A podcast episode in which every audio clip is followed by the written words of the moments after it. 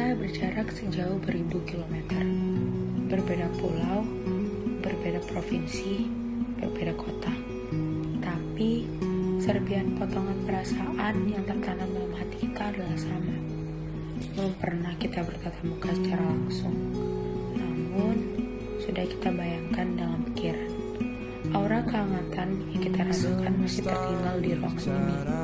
Terkadang, dirimu menemani diriku di kala malam hujan, tanpa memerlukan waktu yang kian mengejar kantuk pada mata.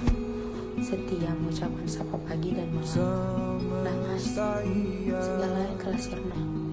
Sejak waktu itu, diriku terasa tenggelam dalam lautan kesedihan dan terbakar api amarah.